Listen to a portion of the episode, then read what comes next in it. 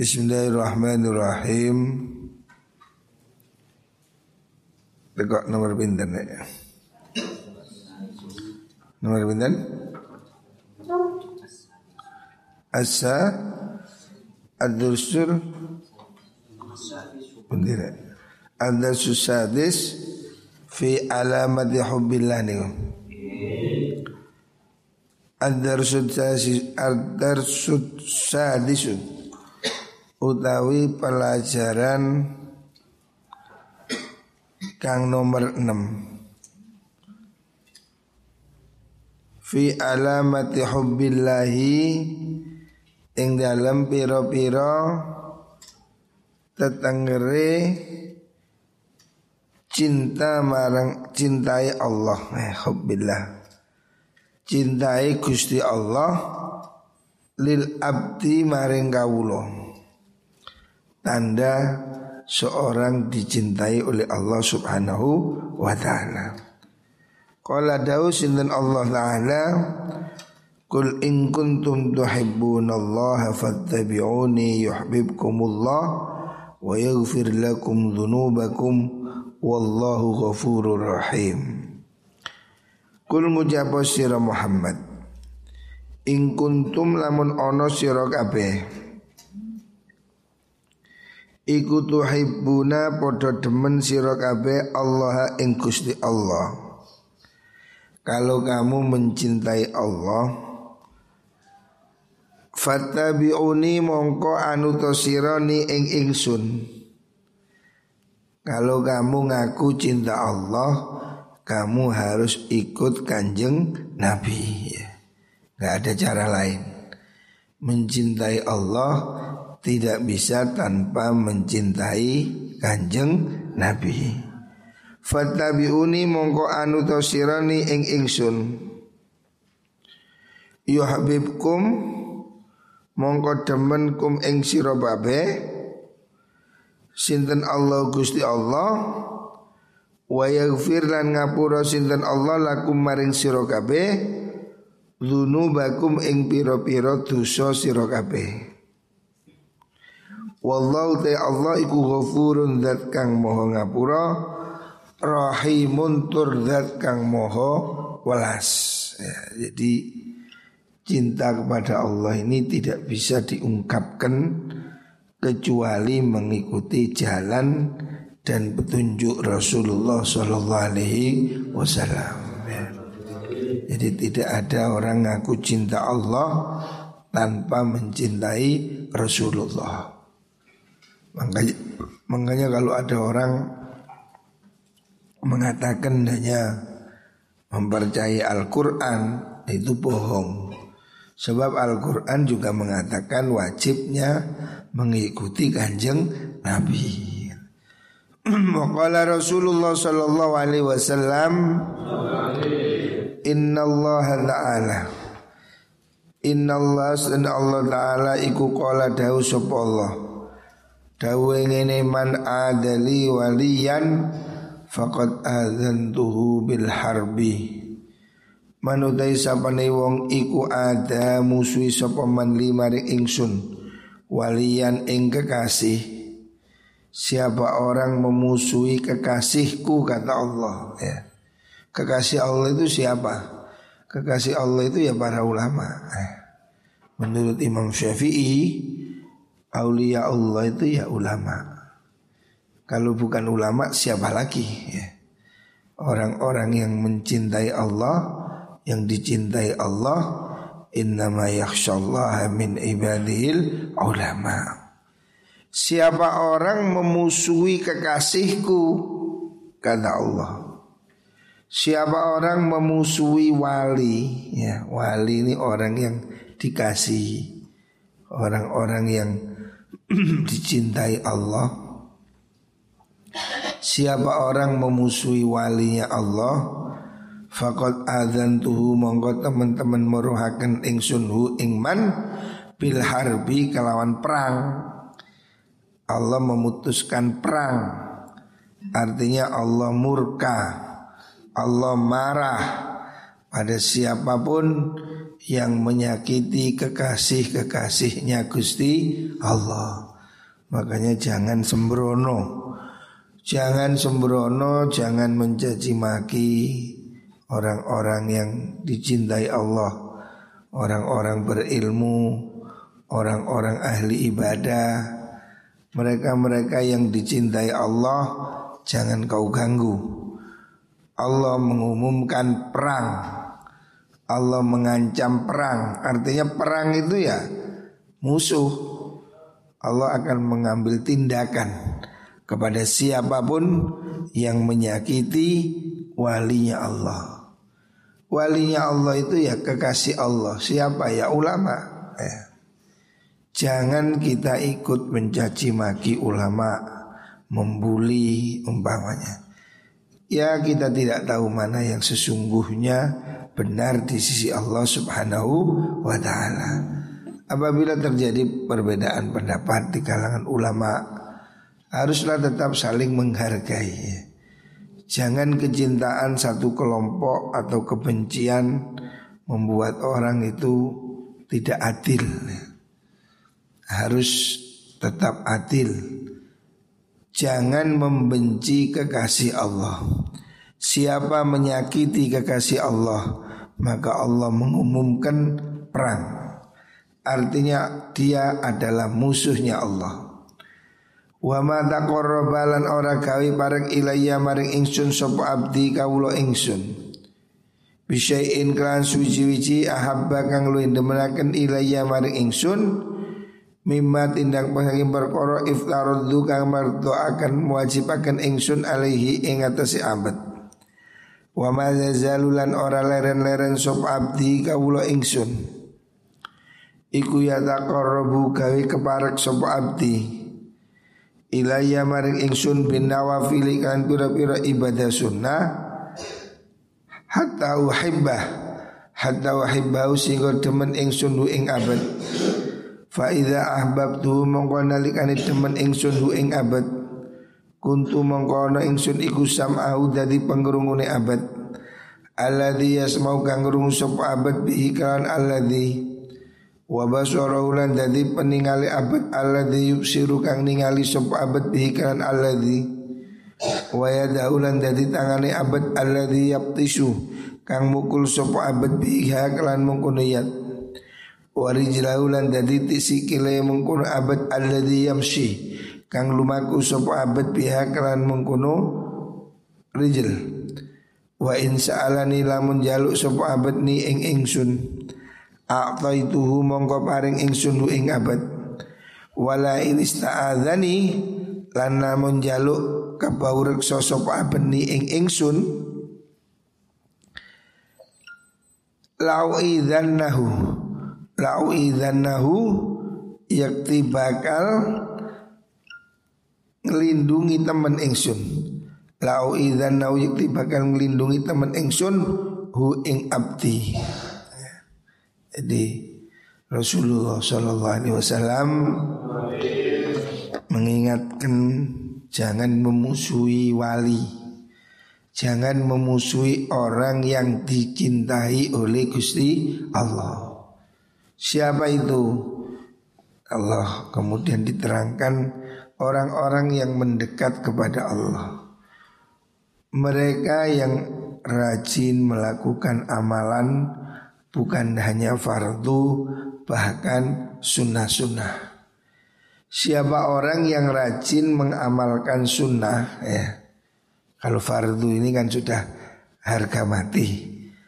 Pokok Siapa orang selain fardu dia rajin mengamalkan sunnah maka dia akan dicintai oleh Allah ya. Jadi yang pertama orang harus menjalankan fardu. Ini tidak bisa ditawar. Tidak boleh ada wali tapi nggak sholat, nggak bisa. Karena wali itu mesti mengikuti kanjeng Nabi. Anjing Nabi sholat kok. Nah. Jadi yang pertama orang itu akan dekat pada Allah kalau dia manut perintah Allah. Di mana melaksanakan fardu-fardu, melaksanakan kewajiban yang ditetapkan oleh Gusti Allah. Itu pertama. Baru kemudian dia harus mendekat lagi dengan nambahkan sunnah-sunnah. Ibadah-ibadah sunnah itu akan membuat dia semakin dekat kepada Allah. Kalau dia semakin rajin melakukan ibadah sunnah, contohnya nopo sih? Contohnya yang diterangkan Imam Ghazali dalam kitab Bidayah itu.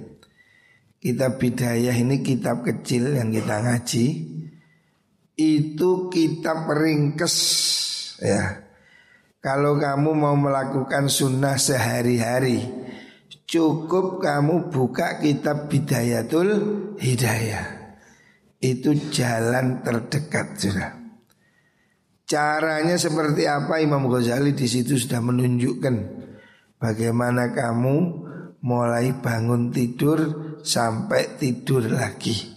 Apa yang harus kamu lakukan? Sunnah-sunnah mulai bangun tidur sampai menjelang tidur. Kalau kamu bisa ngamalkan apa yang ada dalam kitab bidayah, itu dijamin dari wali. Guru saya dulu mengatakan begitu. Siapa ngamalkan kitab Bidayatul Hidayah Itu wali Karena kitab Bidayah itu sudah konklusi Imam Ghazali itu telah mengalami pengembaraan spiritual dari berbagai fase dan mulai filsafat, mulai fikih, semua sudah dilakukan sampai ujungnya adalah dalam tasawuf. Setelah mengarang kitab yang maha hebat, kitab Ikhya, itu Imam Ghazali ngarang lagi kitab kecil. Ini udah ringkesannya. Jadi kalau tidak ngaji kitab Ikhya minimal ngaji kitab bidayah. Bidayah itu sudah merupakan ringkesan yang paling praktis. Bagaimana orang hidup mulai bangun tidur sampai tidur lagi. Kalau kamu bisa ngamalkan kitab Bidayatul Hidayah, gak usah gede-gede ikhya kakean. Ngaji kitab ikhya itu telung tahun kahatam. Iku diwaca bentino. Pemane lek diwaca titik-titik 10 tahun. Lu lalek kamu nggak bisa mengamalkan ikhya Wising cili ail Kitab Bidayatul Hidayah Bidayatul Hidayah Itu dikarang setelah Imam Ghazali mengarang kitab Ihya. Itu merupakan petunjuk praktis. Siapa orang ingin memulai jalan hidayah Makanya disebut dengan Bidayatul Hidayah. Itu adalah kitab pertama ya buku kecil yang menuntun kamu untuk menjadi hidup penuh hidayah. Isiku contoh nih.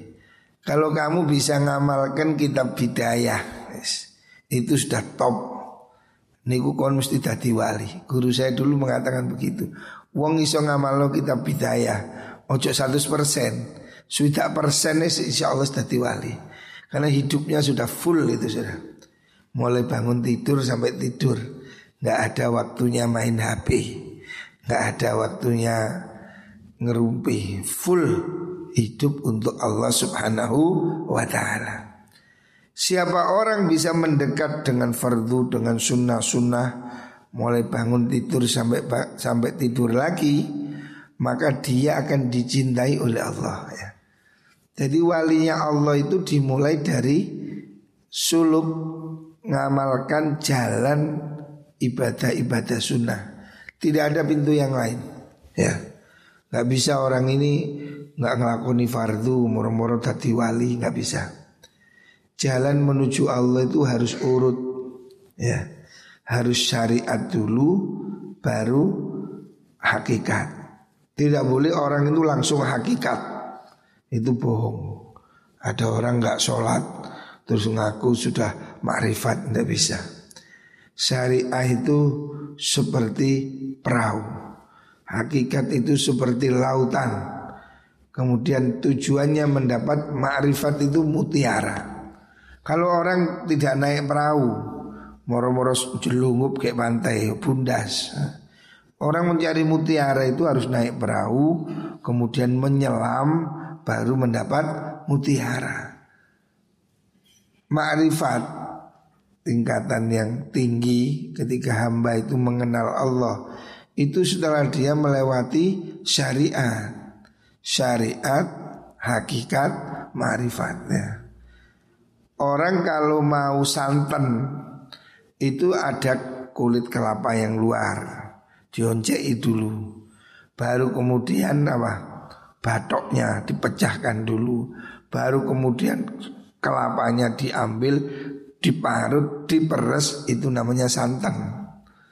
Kau no santan terus ganti sepet nah itu santan opo kara. Jalan yang benar menuju Allah itu pasti syariah.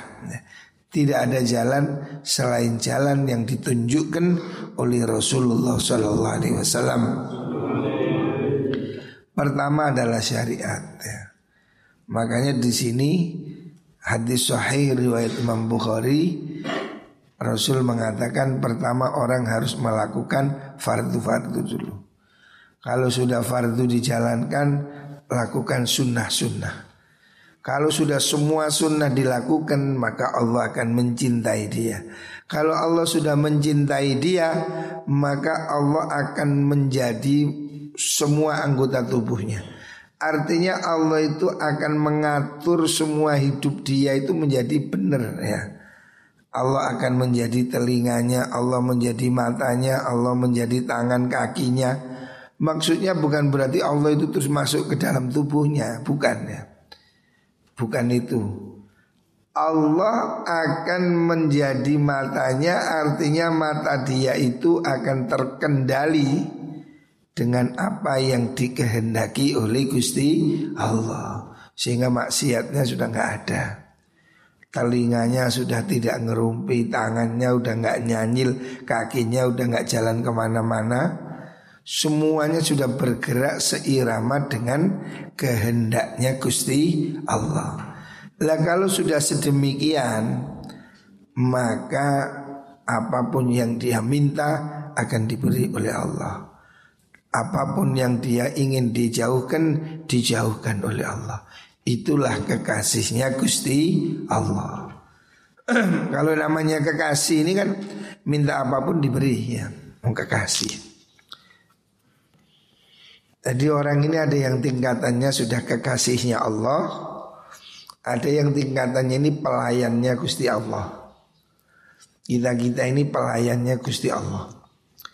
Melayani, meneruskan kehidupan ini, melayani apa yang dikehendaki oleh Allah.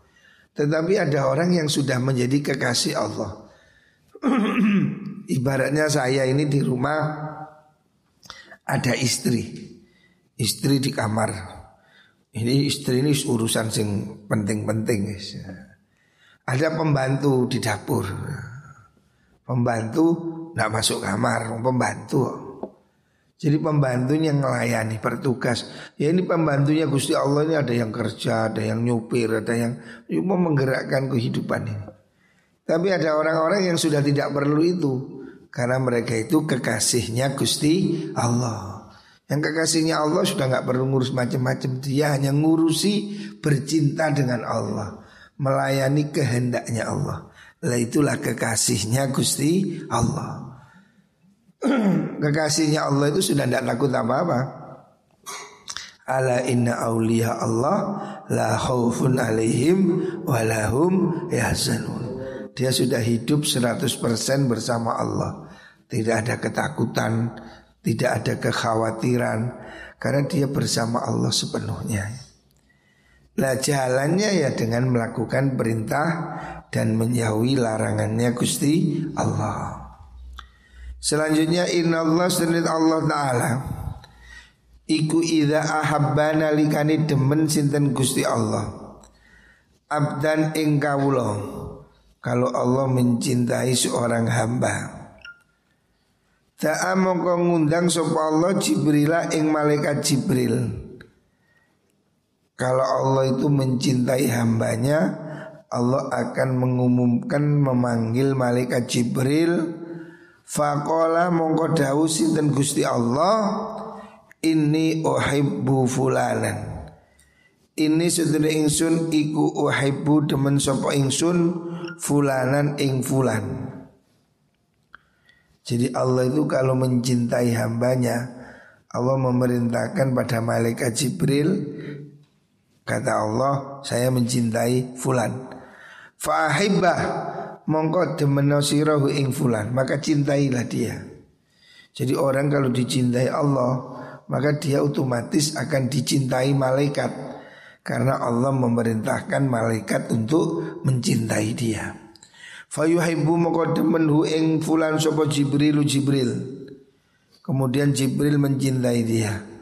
Suma yunadi nuli undang-undang undang-undang manusia ini pengumuman Muli makan sonten malaikat Jibril Fisamai ing dalam langit. Kemudian malaikat Jibril mengumumkan di langit Fayaqulu mongko dawu sapa Jibril? Dawing ini Inna Allah sudhani Allah iku yuhibbu demen sapa Allah fulanan ing fulan. Fa'ahibbuhu mongko demen ing fulan. Malaikat Jibril mengumumkan pada semua malaikat bahwa Allah mencintai fulan. Ini wali. Wah, semua malaikat mencintai dia. Fayuhibbu mongkon demeni ing fulan sapa ahlus samai malaikat kon ono ing dalam langit. Thumma yudha'u nuli den selehaken lahu maring man opo al qabulu den trimo fil ardi ing dalam bumi. Jadi ini runtutannya begitu Kenapa ada orang itu demikian dihormati? Di bumi ini ya walaupun belum mesti keramat itu wali ya. Tapi rata-rata wali itu menunjukkan karomahnya. Kekasih-kekasih Allah itu oleh Allah tunjukkan bagaimana pengaruhnya. Bagaimana dia dicintai oleh masyarakat luas ya. kekasih Allah itu bisa menggerakkan semua orang ya Orang kemudian semua hatinya tunduk kepada dia. Kenapa kok begitu? Nah, ini urutannya begini urutannya. Pertama kalau orang itu sudah sedemikian dekat kepada Allah Karena ibadahnya yang sempurna Amalan-amalannya yang bagus Maksiatnya yang sudah hilang Siapa orang sudah sedemikian dekat pada Allah Maka dia dicintai Allah Kalau Allah mencintai seorang hamba maka Allah akan memanggil malaikat Jibril dan malaikat Jibril itu diberitahu oleh Allah bahwa saya mencintai fulan, kiai fulan. Maka cintai dia. Setelah itu malaikat Jibril mencintai dia. Kalau sudah dicintai oleh malaikat Jibril, malaikat Jibril mengumumkan pada semua malaikat di langit bahwa Allah mencintai hambanya yang bernama ini fulan cintailah dia. Setelah itu semua malaikat mencintai dia. Makanya dia menjadi luar biasa karena didukung oleh semua malaikat. Nah kalau sudah dia dicintai semua malaikat, maka semua penduduk bumi akan mencintai dia. Makanya wali-wali itu kan masyhur karomah. Semua orang takut, semua orang tunduk karena dia dicintai Allah, dicintai malaikatnya Gusti Allah. Ya. Itulah kenapa orang-orang yang dikasih Allah itu kemudian di dunia ini tampak. Walaupun tidak semua, ada wali itu yang mastur, ada wali itu yang tertutup. Tapi ada wali itu yang ditampakkan oleh Allah karomahnya luar biasa. Seperti Syabi Hasan Asadili, Syekh Abdul Qadir Al-Jailani dan seterusnya. Wali-wali itu ada yang ditampakkan oleh Allah karomahnya. Baik waktu dia hidup ataupun setelah mati. Sebaliknya wa idza abghadana likani bendu sengit sapa Allah abdan ing kawula. Da'a mongko ngundang sapa Allah Jibril ing malaikat Jibril. Malaikat Jibril ini pemimpin malaikat Fayaqulu mongko dawu sapa Allah, ini sedene ingsun iku ubghidu benci ingsun fulanan ing fulan. Fa abghidhu mongko benci ya sirahu ing fulan. Kalau orang itu dibenci oleh Allah, Allah akan mengumumkan pada malaikat Jibril supaya dia benci. Kalau sudah begitu malaikat Jibril benci. Fayu begitu mongko benci ing fulan sopo Jibril Jibril. Thumma yunati nuli ngundang-undang sopo Jibril fi ahli samai ing dalam ahli langit. Inna Allah ing sunni Gusti Allah iku begitu. Sengit sopo Allah fulanan ing fulan. fa abghiduhu mongko sengita sira kabeh ing fulan.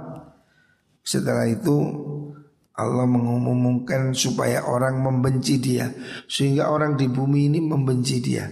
Jadi orang yang dibenci Allah Dibenci pula oleh makhluk-makhluknya Allah.